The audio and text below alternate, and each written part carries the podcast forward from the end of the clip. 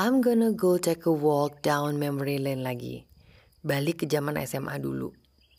Di zaman itu kayaknya hampir setiap SMA punya yang namanya ospek gitu kan ya. Yang dimarah-marahin kakak kelas itu loh. Disuruh beli ini itu yang aneh-aneh. Uh, pakai kalung kertas karton yang ditulisin. Pakai topi-topian. Seru banget lah pokoknya. Kalau sekarang sih kayaknya udah nggak ada ya. Bisa abis tuh kakak kelas diviralin sama adik-adik kelasnya. Anyway, jadi dulu zaman SMA aku tuh uh, setiap kelas punya PK namanya, singkatan dari pendamping kelas. Kakak pendamping kelas ini berperan sebagai protagonis atau good cop-nya. While the rest of our senior were the bad cops. Yang bagian neror kita dengan pelototan mata dan teriakannya yang bikin tremor. Nah, kakak pendamping kelas inilah yang akan nenangin kita setelah sesi panas tadi. Uh, kakak pendamping kelas juga bakal bantuin tugas-tugas kita, terus jadi teman curhat kita gitu. Intinya he or she is the one who make sure that we're all okay. Pendamping kelasku dulu namanya adalah Mas Choi. Well, Choi of course isn't his real name. Tapi dia emang dikenal dengan nama itu. Choi adalah singkatan dari cowok idaman. You might all think it's um, cliche, and some of you even rolling your eyes right now. But in the end of this monologue, everything will make perfect sense. So just bear with me. Oke, okay. para pembaca novel-novel teen lit zaman dulu atau yang versi sekarang itu Wattpad ya. Pasti pada mikir kalau Mas Choi ini sosok yang kalau nggak ketua OSIS, ya anak basket. Atau vokalis band sekolah. Terus anak pejabat kaya raya gitu kan nyetir mobil Eropa. Terus kalau pulang sekolah nggak pernah langsung pulang gitu tapi nongkrong dulu di coffee shop kekinian. Lupa ada satu lagi. Punya pacar anak cir atau kalau enggak pacarnya tuh model gitulah. Pokoknya Gali dan Ratna banget deh. Jadi ya manakah sosok Mas Choi itu well none of them Nggak ada satupun dari yang aku mention tadi menggambarkan Mas Choi. Bahkan jauh dari itu semua. Dia bukan anak pejabat. Ke sekolah juga cuma naik motor. Dan gak punya pacar. Terus kenapa dia dipanggil Choi-nya kalau cuma gitu doang? Karena Mas Choi ini gak pernah mau bersentuhan atau salaman sama lawan jenis. Bahkan pas ngobrol pun dia bakalan nunduk atau menghindari eye contact. Dia ini juga anak rohis kalau nggak salah dulu namanya ya. Rohis itu uh, kerohanian Islam. Dan yang paling epic adalah dulu nih salah satu teman sekelasku cewek satu ekskul sama dia kan pengen pulang bareng karena kebetulan waktu itu jalannya searah jalan pulangnya. Tapi ditolak dong baik-baik sama Mas Choi. Alasannya adalah karena teman cewekku ini bukan mahramnya. Bukan ibunya, bukan saudara perempuannya atau istrinya. Bayangin, di saat remaja, saat semua orang lagi explore segala macam kebandelan, Mas Choi udah mantap dengan keyakinannya. Gimana nggak idaman? Jangankan nyakitin atau mainin hati cewek. Wong nyentuh aja lo nggak pernah. Nah, Mas Choi ini sekelas juga sama satu orang yang lumayan famous juga namanya Mas R. Mas R ini bukan famous sih, tapi infamous lebih tepatnya. Why? Because one, he always keep it to himself. Mas R ini lebih ke yang pendiam dan jarang kelihatan nongkrong lama di kantin. Celananya cingkrang, ke mana-mana selalu bawa tas laptop warna hitam. Bahkan pas lagi uh, istirahat ya. Kalau papasan sama cewek nih, dia bakal langsung agak menjauh banget, kayak mepet ke tembok gitu, untuk menghindari bersentuhan sama kita. Dan bahkan jarang banget kelihatan ngobrol lama hai sama cewek. Yang paling epic dari Mas R dan gak akan bisa aku lupa sampai sekarang adalah ini sebetulnya masih uh, 50-50 ya, iya atau enggak. Tapi hampir semua kita meyakini ini tuh iya gitu.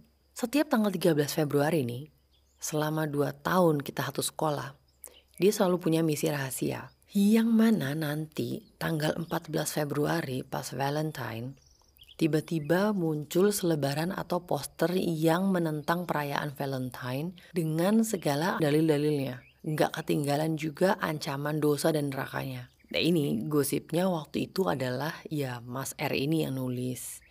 Yang nempel dan ngeprint itu semua. FYI, anak OSIS dulu tiap Valentine emang jualan bunga mawar yang nanti bakal dikirim ke setiap kelas yang ditulisin dari pacar atau secret admirer gitu loh.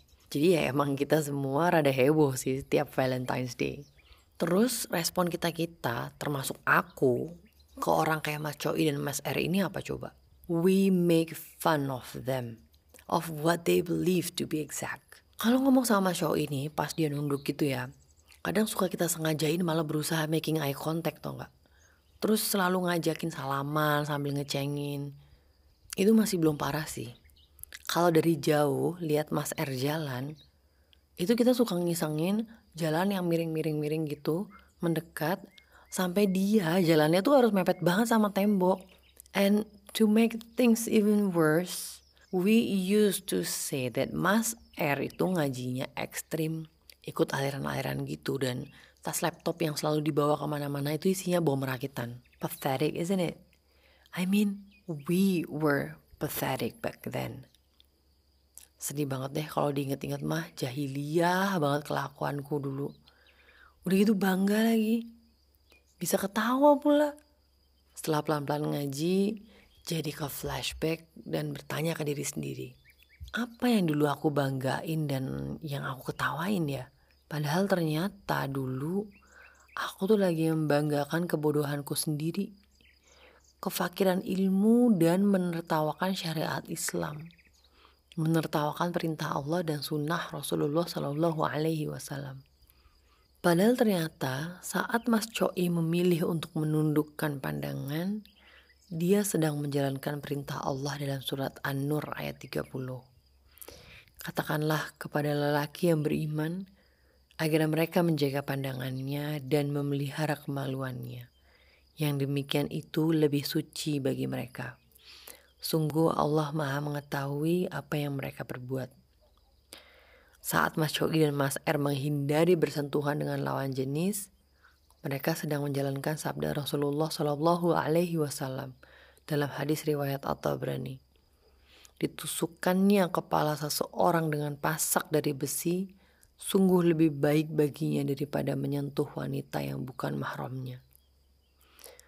Dan kalau emang benar Mas R adalah orang yang selalu bikin poster menentang Valentine, berarti saat itu Mas R sedang berdakwah dan mengajak dalam kebaikan berdasarkan sabda Rasulullah Shallallahu Alaihi Wasallam dalam hadis riwayat Abu Daud nomor 4031.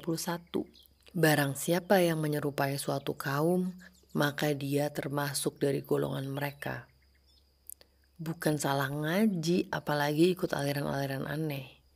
They both know exactly what they are doing based on Quran dan Sunnah. Satu hal yang gak henti-hentinya aku syukuri kalau ingat-ingat zaman SMA ini adalah Allah masih ngasih aku umur sampai detik ini.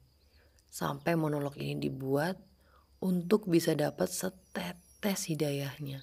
Nggak kebayang kalau Allah cabut nyawaku dalam keadaan aku masih bangga dengan kebodohanku dan dalam keadaan menertawakan syariat Islam.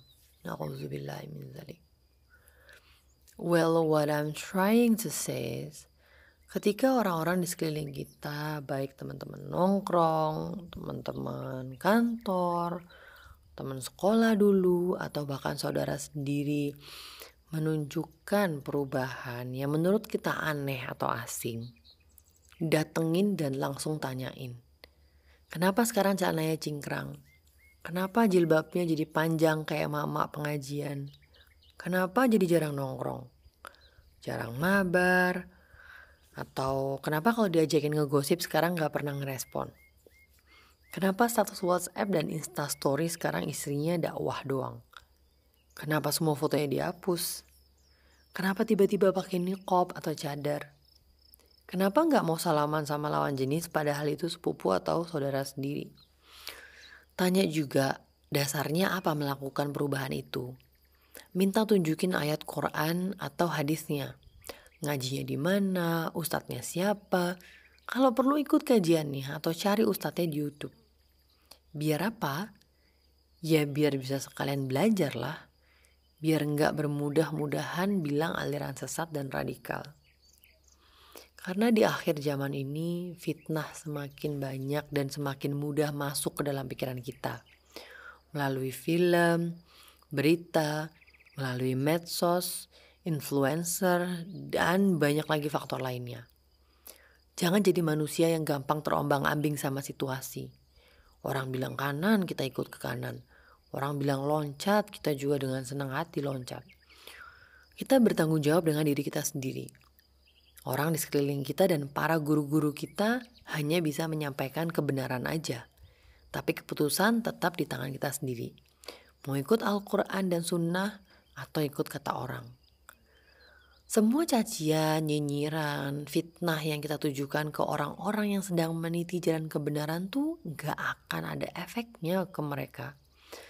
Mau dibilang teroris sekalipun gak akan bikin mereka manjangin celananya di bawah mata kaki. Gak akan bikin mereka bukan niqab atau hijabnya. Gak akan bikin mereka berhenti menyampaikan kebenaran. Karena mereka tahu, mereka gak lagi rugi.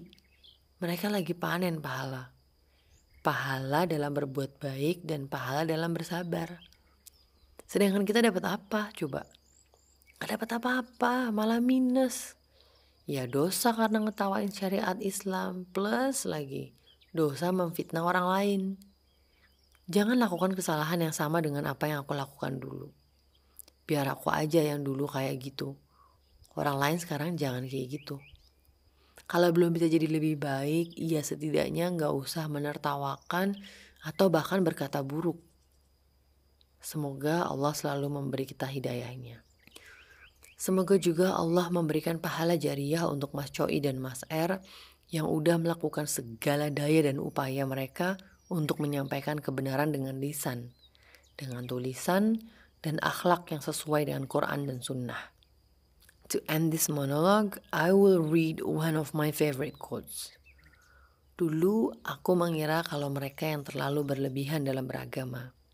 Namun setelah belajar, aku sadar bahwa ternyata selama ini akulah yang terlalu cinta dengan dunia hingga terlupa dengan seberapa pentingnya agamaku.